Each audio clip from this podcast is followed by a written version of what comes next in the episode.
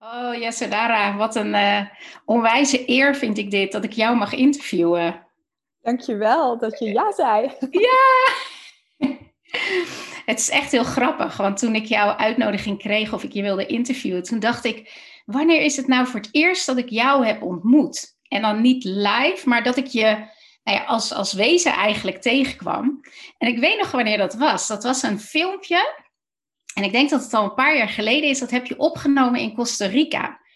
En toen liep je eigenlijk door ontzettend mooi landschap. En nou, het leek alsof je helemaal opging in het landschap. En ik dacht echt, wauw, wie is dat?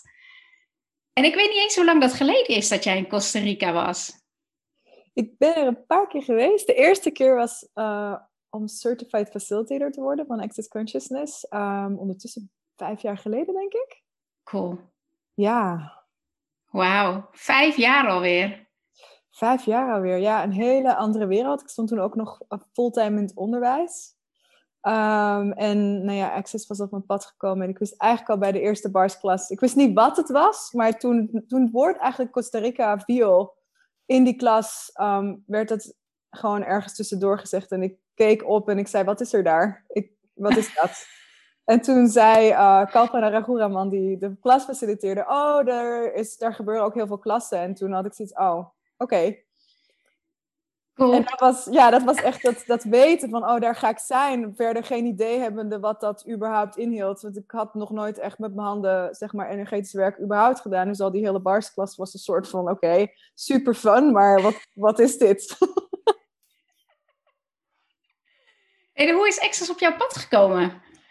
Via een collega. Um, nou, voor ik begon met Access was ik al 15 jaar als zangeres bezig. En um, naast het zingen werd ik ook zangcoach. En daarvoor studeerde ik ook in Denemarken voor 3,5 jaar met een specialisatie eigenlijk voor, rondom stemtechniek.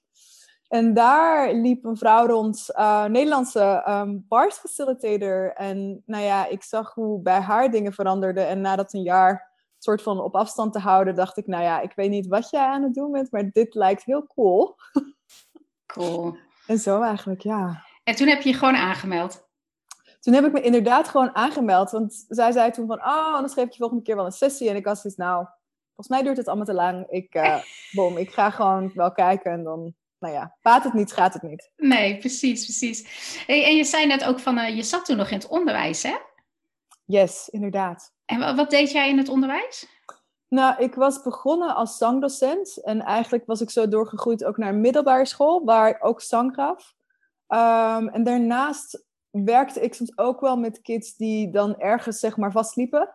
Um, dat doe ik eigenlijk al sinds mijn zestiende. Um, toen meer in sport en zwemmen. waarin altijd wel om de zoveel tijd zeg maar een of andere uh, wezen bij vond. Omdat er iets compleet niet goed liep. En um, nee, ik was dan altijd wel benieuwd naar, oké, hoe kan je gaan ontsluiten eigenlijk wat de, wat de mogelijkheden zijn. Wauw. En, en nu? Want doe je nu nog steeds dingen in het onderwijs?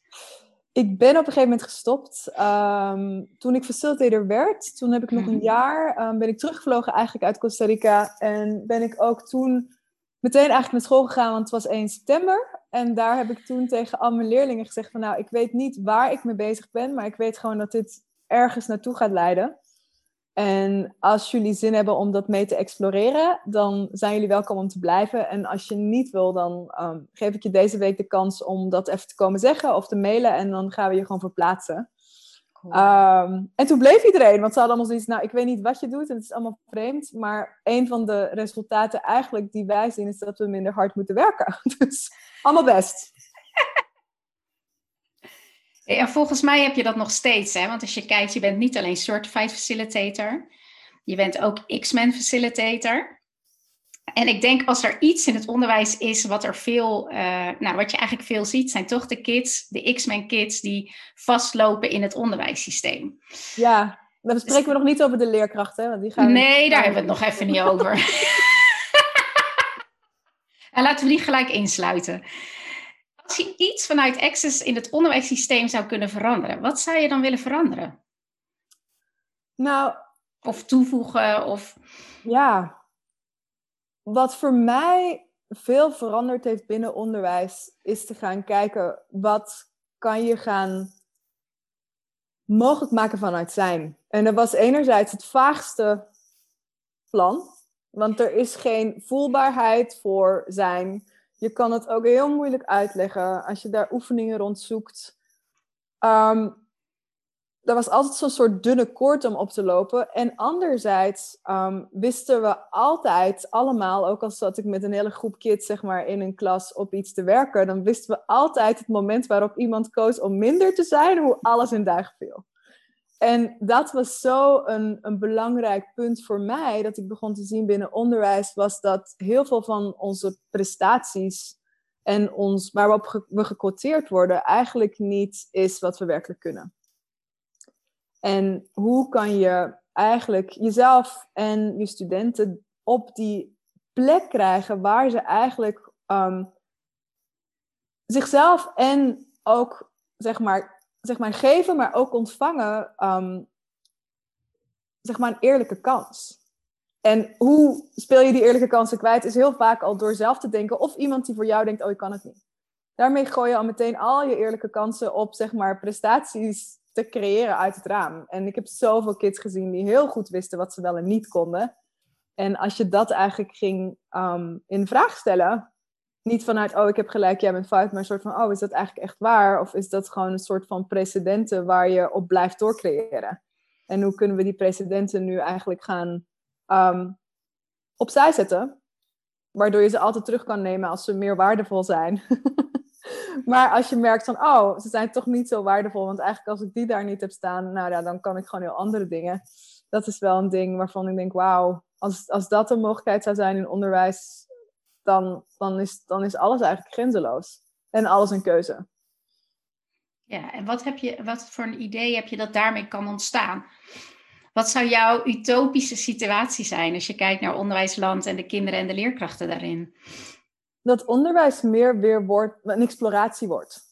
Wat ik zelf ging zien ook, zeg maar, zo vaak sta je onder hoge druk. Je staat onder hoge druk als directie, je staat onder hoge druk als leerkracht, je staat onder hoge druk als assistent. Je staat iedereen staat onder hoge druk de hele tijd om het goede antwoord te vinden. En als je dan het goede antwoord kan vinden, of je kan genoeg goede antwoorden vinden, dan ben je dus geslaagd. En als jij slaagt als leerling, dan betekent het ook dat de docent slaagt. En dan betekent het uiteindelijk dat de directie slaagt. En dan, weet je, dat is allemaal een soort rangschikking Um, wat allemaal gebaseerd is op de juistheid van iets, waardoor exploratie heel vaak wegvalt.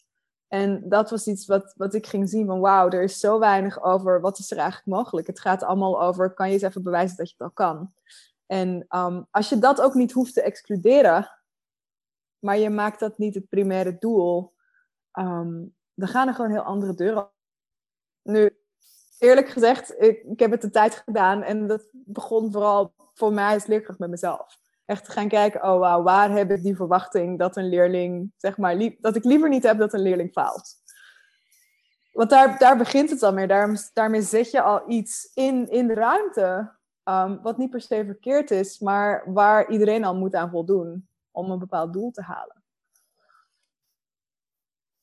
Ja, en in hoeverre hebben leerkrachten zelf ook niet het idee dat ze niet mogen falen? ja, en hoe, hoe kun je bewijzen dat je niet faalt is wanneer de meeste van je leerlingen, behalve uiteraard degene waarvan je al besloten hebt dat ze nooit gaan, zeg maar, succeden, die, die maken dan niet meer uit, zeg maar, want dat is bij iedereen. Um, maar ja, wat als, wat als dat allemaal niet in onze wereld zou zijn? Wat wordt er dan, zeg maar, als alles... En dat is met die X-Men-klasse. Um, als je een X-Men bent, dan gaat waarschijnlijk 99% van de dingen in jouw leven niet zoals het normaal zou zijn alles wat je in een boek ziet staat, gaat waarschijnlijk op zijn minst op zijn kop. En waarschijnlijk nog achterstevoren, diagonaal.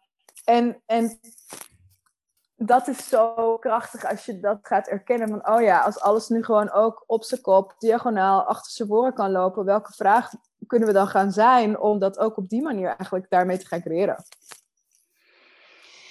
En, uh, want weet je, wat ik zo leuk vind ook aan dat hele onderwijssysteem is, het staat nu super onder druk door het hele COVID-gebeuren en het thuisonderwijs zie je een soort enorme freak ontstaan bij leerkrachten, bij ouders, uh, bij leerlingen. Uh, wij hebben een neefje die is best wel slim.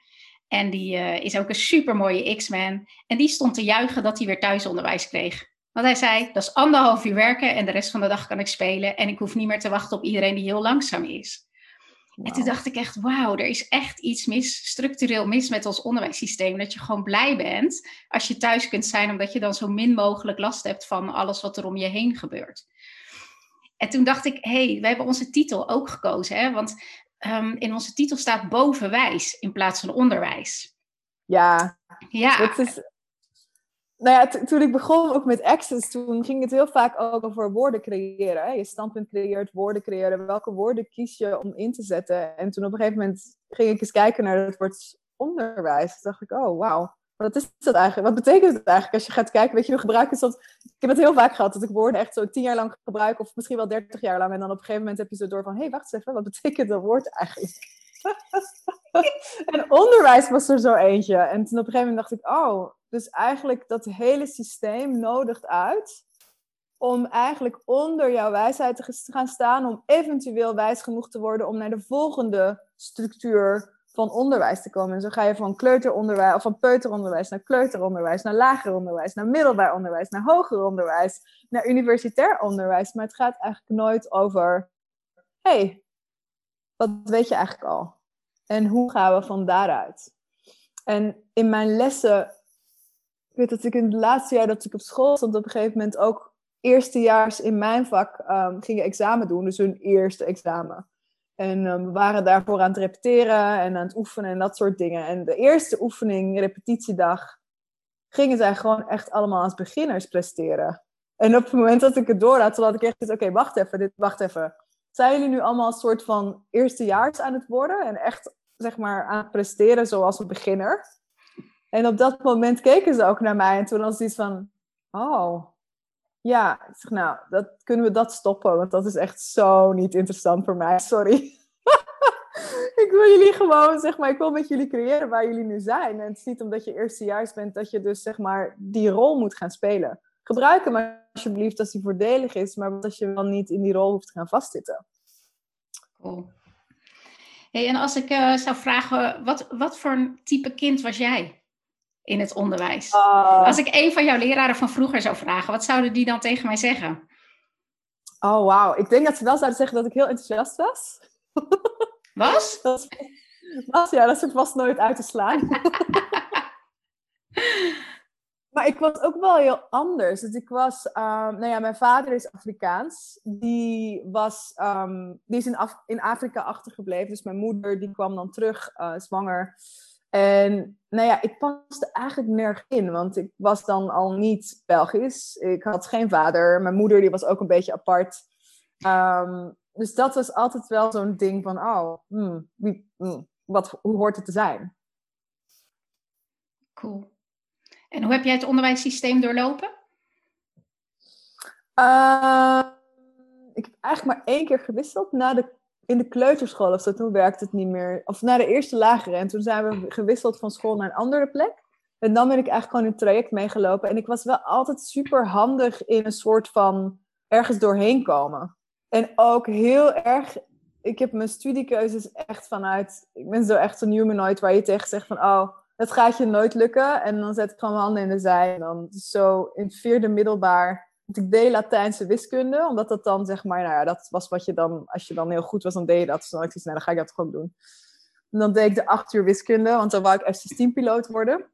En toen op mijn zestiende, toen moest ik weer een studiekeuze maken. En toen uh, kwam mijn, zeg maar, de docent die dat moest doen met ons, die riep me binnen in het lokaal en ga maar even zitten. En zei, nou, hij begon niet eens met een vraag. Hij zei gewoon, ik, voor jou zou ik denk ik de zes uur wiskunde kiezen. Want uh, nou ja, je hebt zoveel dingen te doen naast je werk, dat komt nooit goed. En ik, ben, ik heb niet eens mijn boekentas of me, op mezelf neergezet. Ik heb gewoon gezegd, dankjewel, zet mij maar op de acht uur zo. Dat is ook weer klaar, doei.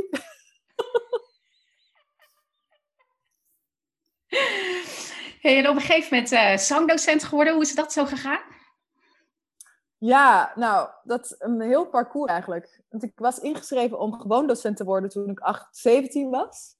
En dan net de dag voordat het begon, werd ik nog toegelaten tot de toegangsexamens aan de theateracademie in Antwerpen. Toen dacht ik, nou, ik ga misschien maar een beetje wachten met naar de, naar de onderwijsschool te gaan. Ik ga eerst eens even toelating doen op de theaterschool en dan zien we wel verder.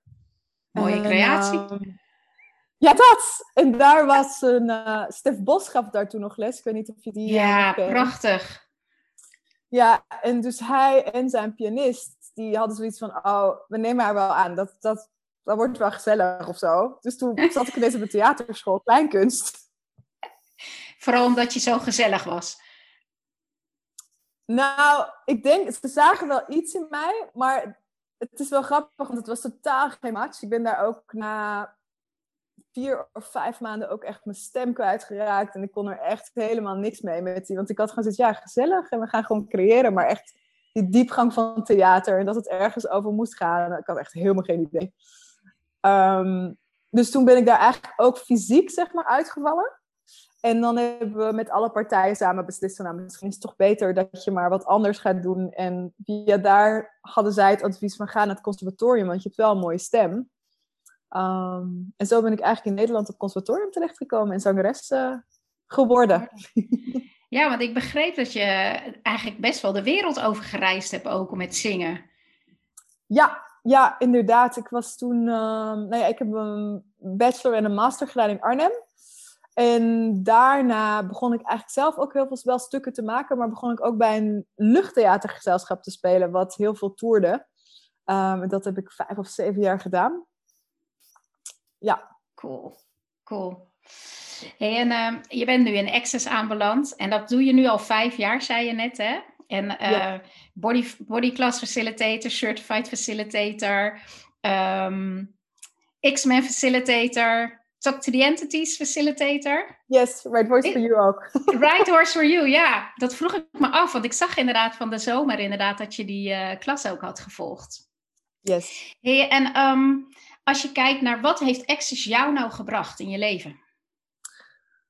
Waarom ik, ja, en het is ook een beetje waarom ik eigenlijk Access steeds meer klassen ging doen. Omdat ik merkte dat elke keer als ik een klas deed, of als ik zeg maar een boek las of daarmee bezig was, dat dat ik op een andere manier ging kijken naar mijn cliënten en naar het werk wat ik deed. En dat was op alle vlakken eigenlijk, zeg maar. Dat ik ging merken, wauw, oh, ik, volgens mij zag ik dat vorige week niet. En volgens mij kon ik dat vorige week niet. En zo ging dat eigenlijk maar elke keer door. Um, wat voor mij altijd wel een soort van uh, vuur aan de lont is. Om zo'n nieuwe, als je begint te merken, oh, er, oh, ik heb wel wat nieuws geleerd. Ook ik heb wel wat nieuws geleerd. Dan, dan zeg maar, dat is altijd wel een soort wortel voor mij. Hey, en wat is je meest favoriete access tool? Oh, ik denk toch wel de expansieoefening. En de barrières. De barrières is ook wel heel gaaf. Die vind ik ook wel heel tof om, um, om zelf te gebruiken. En ook om met groepen te gebruiken. En ook in trainingen eigenlijk. Want je ziet al heel snel hoe Um, en barrières zijn bijvoorbeeld je, je, energetische muurtjes. Die je, zeg maar, je ziet ze niet, maar iedereen voelt ze wel. Als iemand echt een soort keiharde muur voor zich optrekt. Um, of je doet het zelf. Um, en eigenlijk door die tools te gebruiken, werd heel snel duidelijk van, oh, maar dat kan je zo veranderen. Er is geen probleem, er is alleen een andere mogelijkheid hier. En ja, met die barrières is het toch wel een ontzettende snelle switch die je vaak kan maken aan je situaties. En vaak zie je dat bij kinderen ook. Hè? Kinderen zijn ook supergoed in het spelen met die barrières. En ook op alles wat je eigenlijk op hen projecteert, dat krijg je ook precies weer terug voorgeschoteld. Dus als je nou vanuit je X-Men facilitatorschap ehm, een tip zou mogen geven aan leerkrachten. Er zijn best wel wat leerkrachten die struggelen. En niet zozeer omdat ze uh, kinderen per se lastig vinden, maar dat ze echt op zoek zijn naar tools en handreikingen om met kinderen die ja, toch wat meer X-Men capaciteit hebben, om daarmee in contact te komen. Ehm, en ouders ook trouwens, want die zie ik ook heel veel met vragen van help. Ik heb zo'n X-Men kind en wat ga ik daar nu mee doen? En hoe moet ik zorgen dat hij naar mij gaat luisteren? Dan moet ik altijd al lachen. Ehm, wat zou jij hen aanraden? Wat zou een, een, een mooi stuk zijn om meer die communicatie met dit soort kinderen aan te gaan? Ja, um, en voor de mensen die X-Men niet kennen, um, het zijn eigenlijk zeg maar alle labels um, worden in Access bekeken als hey, wat als het capaciteiten zijn. En dat je dus kan gaan kijken, kinderen, of, of mensen ook hè, met ADHD, ADD, OCD, autisme. en zo zijn, dat zijn eigenlijk een beetje de meest populaire labels tegenwoordig, maar er zijn er nog een heleboel meer.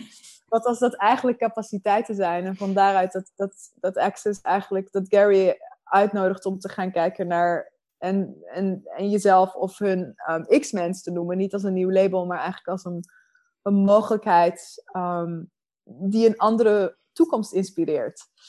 En, en dat is wat je net al zei, van ja, hoe krijg ik mijn kind dat hij gaat doen wat ik wil? Of hoe krijg ik mijn leerling dat ze gaan doen wat ik wil?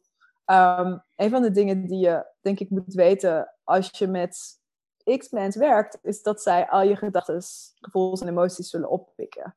Um, dus als je wat van ze wil, um, ja, ben jij ook helder in je energie. Want anders gaat er heel vaak zeg maar, een soort van, van confuusheid.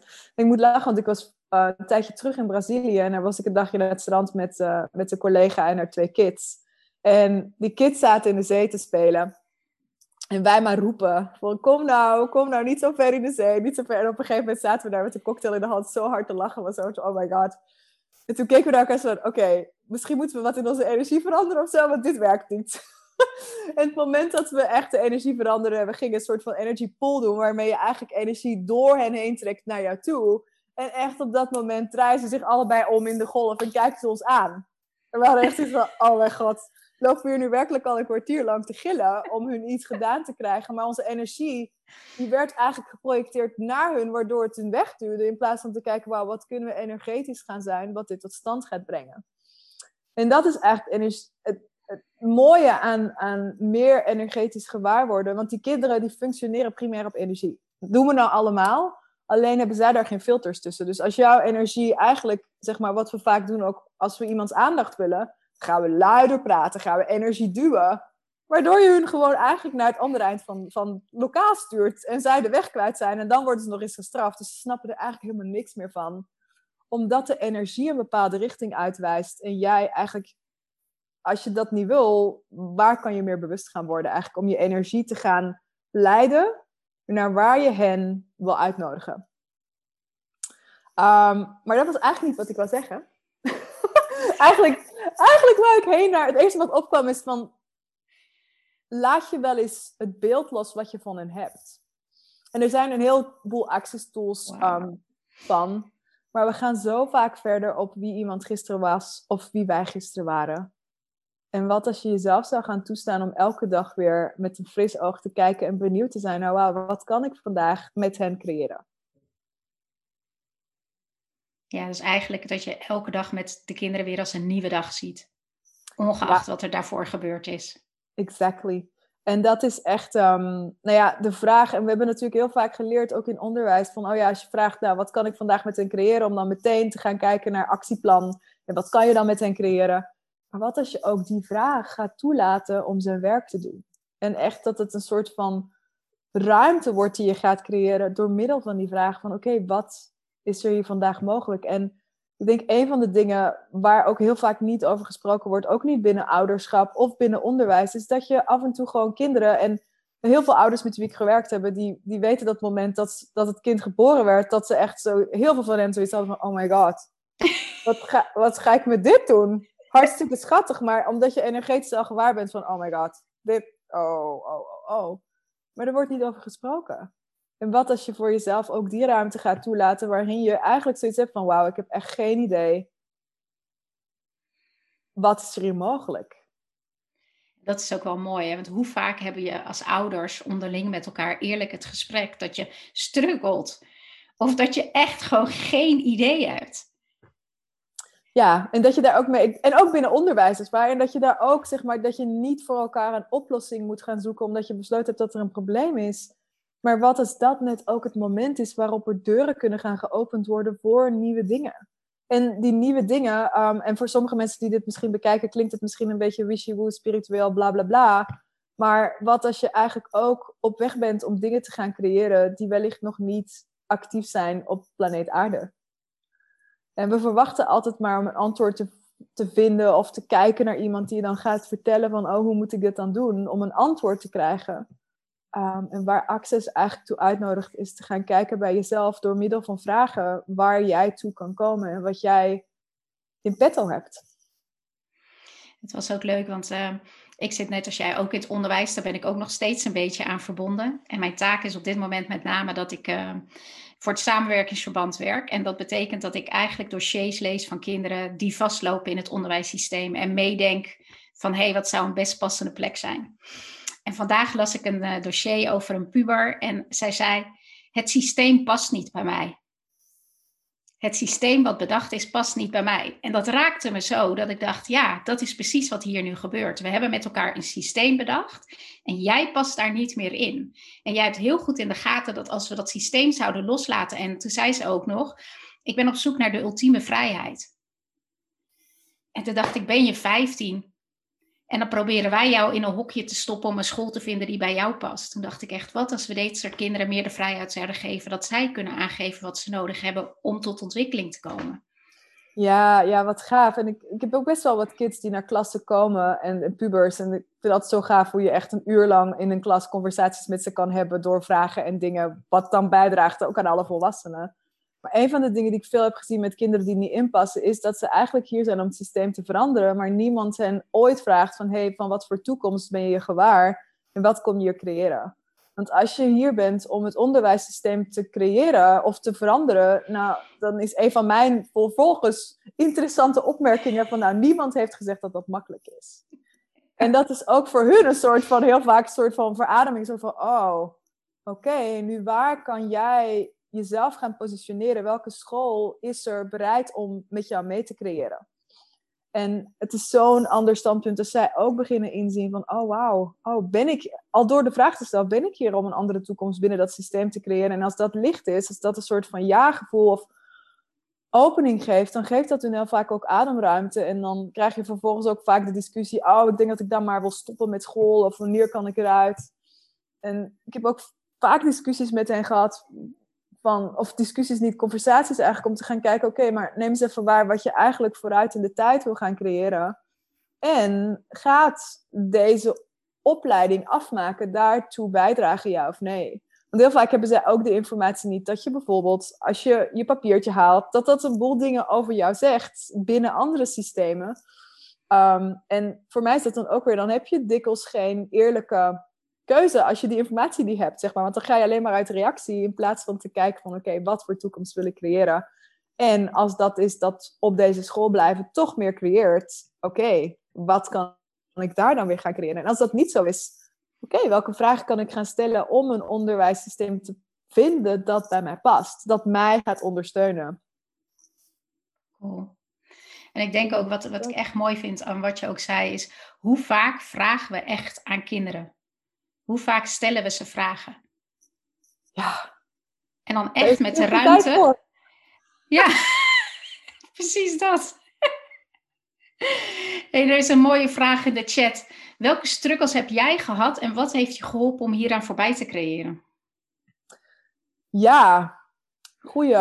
Um, ik moet eerlijk zeggen dat ik meestal wel gemanaged heb om mijn struggles. Zeg maar, ik, ik heb bijvoorbeeld echt een ander brein. En om een of andere reden heb ik dat toch soort van kunnen inzetten. En een soort van gedachte, nou, het werkt niet helemaal, maar goed, ik ben er toch doorheen gekomen. En dan nu ook door die X-Men klassen te gaan nemen intensief en ook te gaan faciliteren, begon ik gewoon te merken, oh, maar lineariteit werkt gewoon voor mij niet.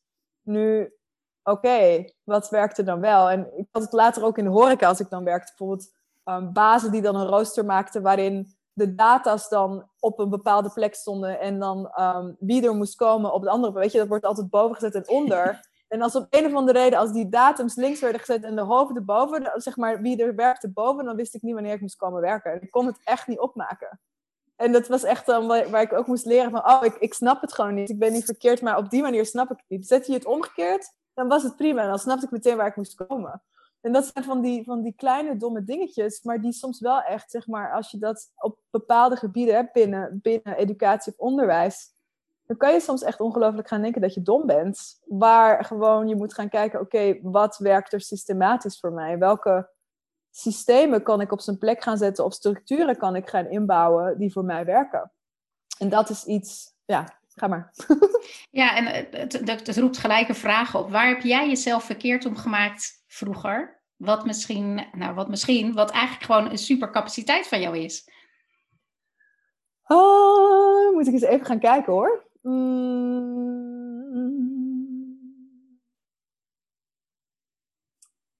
Er is iets met wiskunde, dat is zo grappig. Die acht uur. Die acht uur. Ja, ik heb me daar echt, ik heb me daar kostelijk vermaakt. Terwijl ik geen idee had wat ik daar aan doen was. En dan uiteindelijk het wel gered. Uh, maar ik denk met de access tools dat ik dat veel handiger had kunnen inzetten. Um, want ik ging toch ook een beetje om me heen kijken. Ik zat natuurlijk met allemaal van die hele slimme mensen in de klas. Die meteen ook allemaal dat soort dingen snapten. En ik had altijd zoiets van, nou waar gaan we heen met dit alles? Allemaal leuk, aardig. Ik snap het allemaal niet.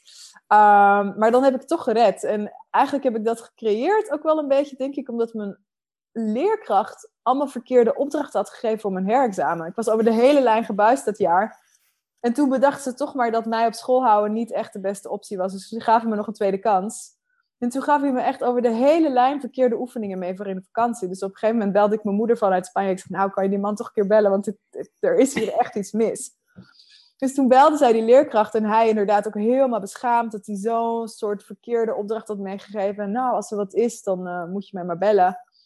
En toen had ik het op een gegeven moment ook geregeld dat ik een hele week bij die man thuis zat, elke dag.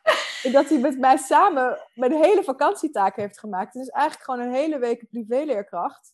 Die mij alles tot in de puntjes eigenlijk ging uitleggen en hoe dat dan zat. En volgens mij ben ik daarna een week buiten gelopen en moest ik eigenlijk alleen nog maar de optelsom maken van elke oefening. En toen ging ik mijn examen doen en volgens mij heb ik toen gewoon een 9 of een 10 gehaald op het totaal. Omdat ik zoiets had van, oh ja, nu snap ik het. Omdat die energie ineens beschikbaar was met alle informatie op een heel andere manier dan het hele jaar beschikbaar was geweest binnen die groep. En in hoeverre heb jij het brein van je docent daarvoor uh... Ja, en nu dat we het daarover hebben, ook is wel interessant. Hè? Want hoe vaak zeg maar, zit je in een klasgroep en pik je eigenlijk alle ook niet-congruente energieën en ruimtes op. Dus er is zoveel informatie in zo'n klaslokaal, in zo'n school aanwezig. Want nou ja, als je maar een beetje X-Men bent, dan pik je eigenlijk alle gedachten op die er rond sleuren, zeg maar. Niet alleen maar ineens in de hoofden, maar ook bijvoorbeeld in de boeken die je openslaat. En dat heb ik ook veel met, met kids gezien die dan bijvoorbeeld moeite hadden met dingen te begrijpen die ze uit een handboek moesten lezen. Omdat ze zich ook vaak gewaar waren van iedereen die dat voor hen had gelezen en die daarop had geprojecteerd van oh ik kan het niet en oh het is moeilijk. Oh en nu komt dat hele moeilijke deel. En daar gingen ze dus ook doorheen lezen, maar tegelijkertijd ook al die projecties eigenlijk leven, waardoor dingen moeilijker werden als ze dat niet per se hoefden zijn. En ehm, als je dan ineens in zo'n soort van steriele ruimte met iemand kan zijn die dat gewoon belichaamt, want dat is al een wiskundeleraar gedurende 40, 50 jaar. dat, dat bracht wel inderdaad een heel andere, een heel andere wereld met zich mee. Cool. En hoe heb jij ontdekt dat je X-Men capaciteiten hebt? Uh, nou, ik dacht eerlijk gezegd toen ik begon met die klassen, nou, dat doe ik voor die kinderen waarmee ik werk. Moet daar toch iets meer van weten. En toen ehm, nam ik een paar jaar geleden de X-Men klas met Gary Douglas en Diva Diaz. Um, een soort geavanceerde klas die zij gaven. En zoveel dingen vielen op zijn plek. En dat ik dacht, oh.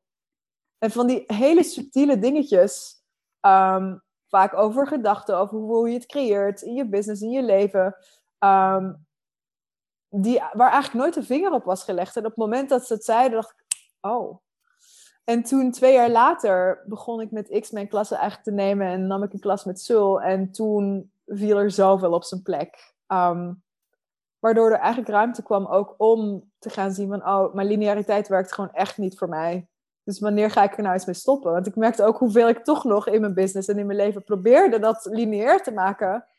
Waar het gewoon echt niet werkt. En ik denk dat het echt nog maar twee maanden of zo, twee maanden geleden of zo, ging dagen waarin ik dat echt zo helder in mijn hoofd hoorde van, oh, lineariteit werkt niet en zal nooit werken. En toen ik echt zo, wauw, oké, en nu wat? Ja, en nu wat? en wat is er gebeurd toen je dat hebt losgelaten, het concept van lineariteit? Wat heeft dat je gebracht? Wat er toen eigenlijk ging openen was ook dat gewaar zijn van die capaciteit om gewaar te zijn van verschillende realiteiten tegelijk.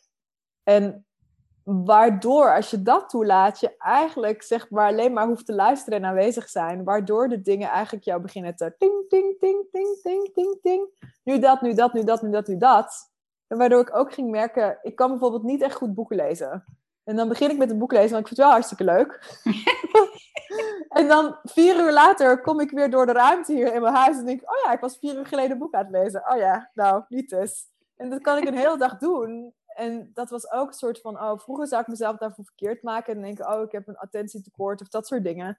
En nu is het ook gewoon meer iets van, oh ja, maar dat, ja, nee, dat, zo werkt het niet. Dus hoe werkt het wel? En bijvoorbeeld een boekclub organiseren is een manier waarop het heel goed werkt. Um, maar dan ook te gaan kijken, oh, als je op die energie ruilt en zeilt, ehm, dan komen de dingen gewoon elke keer weer naar je toe als ze gedaan moeten worden. Wat op dit moment heel erg handig is, omdat ik heel veel te doen heb. Cool. En eh, er is nog één vraag die eigenlijk bij me klopt. Dat is, uh, wat als we iets vanuit Access in het onderwijssysteem zouden kunnen inbrengen? Gewoon als eerste stap. Um, wat popt er dan bij jou als allereerste?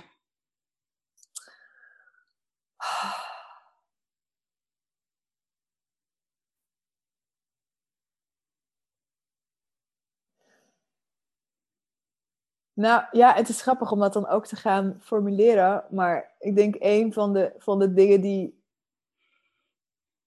een super grote bijdrage zou kunnen gaan zijn, is dat, dat eigenlijk onderwijzers en iedereen die eraan verbonden is, gaat erkennen dat wat jij bent, is wat mogelijk maakt. En als je kiest, ik had eerder een Facebook live ook met ehm, een collega die vroeger ook directrice was van de Access School, school um, Christine Di Domenico. En we hadden het ook over oordeel. En als jij bijvoorbeeld kiest om, om, in, om je ruimte te vullen met oordeel, of dat nu naar jezelf is of naar anderen, dan is dat wat je beschikbaar maakt. Als je kiest om gewoon ruimte te zijn en vraag te zijn, dan is dat wat je beschikbaar maakt. En ehm, ik denk dat dat een heel mooi nieuw pad zou gaan zijn, waarin we eigenlijk allemaal kiezen om bewust te gaan zijn van waaruit we functioneren. En ook al kan je het niet meteen veranderen, dat ook niet verkeerd te maken. Want wat als het alles inclusief kan zijn, maar vanaf dat je gewaar wordt bijvoorbeeld van, oh, ik ga hier in projectie, oh, dit is de ruimte die ik beschikbaar maak, waarin ik projecteer van, oh, daar gaan we heen. Of, oh, ik oordeel over mezelf, of ik oordeel over mijn leerling. Oké, dat is nu wat ik beschikbaar maak. Hmm, wat creëert dat? Ehm, dan ga je eigenlijk beginnen vanuit een bewuste plek op stap te gaan. En als je met elke pas die je neemt, waar ook in je leven, maar zeker ook binnen onderwijs, eigenlijk bewust gaat zijn van wat die stap creëert. Ehm, wat eigenlijk op elk moment van je leven aanwezig zijn is. Dan, dan wordt er zoveel meer mogelijk. Want dan kan je ook zien op het moment dat je die pas zet en je denkt, dat creëert nou niet per se meer. Oké, waar kunnen we vanuit hierheen? Wauw. Ik vind vooral de zin waarmee je begon zo mooi. Gewoon dat je bent, dat is wat mogelijk maakt. Ja. Wauw. Want hoeveel mensen zijn eigenlijk nog zo hard zichzelf aan het doen en aan het bewijzen en hard werken. En, en kinderen ook, weet je wel, zich aan het vormen naar wat er van hen verwacht wordt en, en gewenst is. Dus, ja, uh, wow. dat leren we vaak hè, om harder. Ik zag het ook, ik ging op een gegeven moment ook begrijpen, als ik iets drie keer uitleg en iemand snapt het niet, nou, dan is het dus niet te uitleggen die het gaat doen. Dan kan ik het nog een vierde keer uitleggen, maar dat gaat vast ook niet werken. En dan was er dat, dat fenomenale zinnetje, wat, wat in Access vaak gebruikt wordt, welke energie, ruimte en bewustzijn kunnen ik en mijn lichaam zijn hier? En dat was al super vaag of zo. Was een soort van, oké, nou, leuke tool. Tot ik op een gegeven moment ging merken dat ik zelf gefrustreerd werd. En denk van, nou oké, ik heb het nu vier keer uitgelegd drie keer uitgelegd. Dit werkt niet. En toen op een dag dacht ik, oké, eh, welke energie, ruimte, bewustzijn en keuze kunnen ik en mijn lichaam hier zijn voordat dit doorkomt. En ik zei het gewoon nog een keer. Ik, ik gebruikte precies dezelfde woorden van wat ik al drie keer had gezegd. En het kwam gewoon ineens door. En ik had echt zoiets van, wat? Oh mijn god. Dus ik hoef niet uit te zoeken welke energie. Ik hoef niet uit te zoeken wat die woorden betekenen. Ik, ik vraag het gewoon. En blijkbaar katalyseert dat iets. Waardoor ineens, bam, alles doorkomt. Klaar. Toen dacht ik, wauw. Er is zoveel meer gemak mogelijk. Um, dus als je luistert en je um, bent onderwijzer of je bent um, ouder. Of, nou ja, je kan het met iedereen doen. Je kan het ook in je relaties gebruiken. Als iets niet doorkomt, dan is het waarschijnlijk niet je woordkeuze. Maar ergens iets wat energetisch niet matcht. En door te gaan vragen, oké, welke energie, ruimte en bewustzijn kan ik hier zijn? ga je eigenlijk beginnen met een manoeuvre te doen in je energie.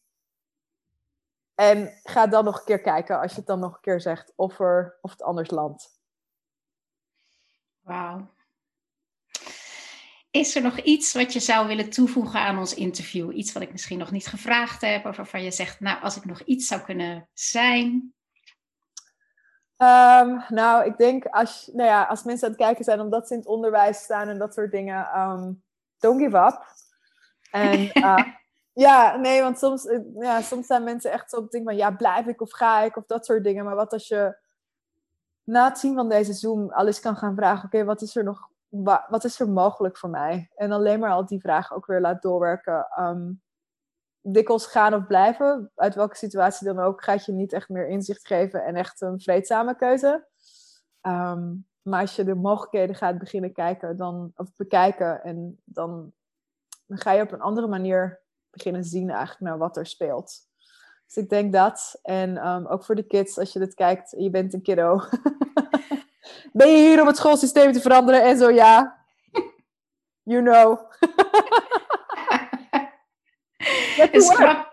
Dat ja. is volgende. Get to work. Stop met klagen. Get to work. Dat was grappig, want wat er net in mijn hoofd plopte was... en als je leerkracht bent om het onderwijssysteem te veranderen... don't give up. Don't give up. En ga vooral kijken ook waar je aan het vechten bent, tegen of voor. Ehm, heel vaak hebben geleerd dat vechten voor of tegen het meeste gaat creëren.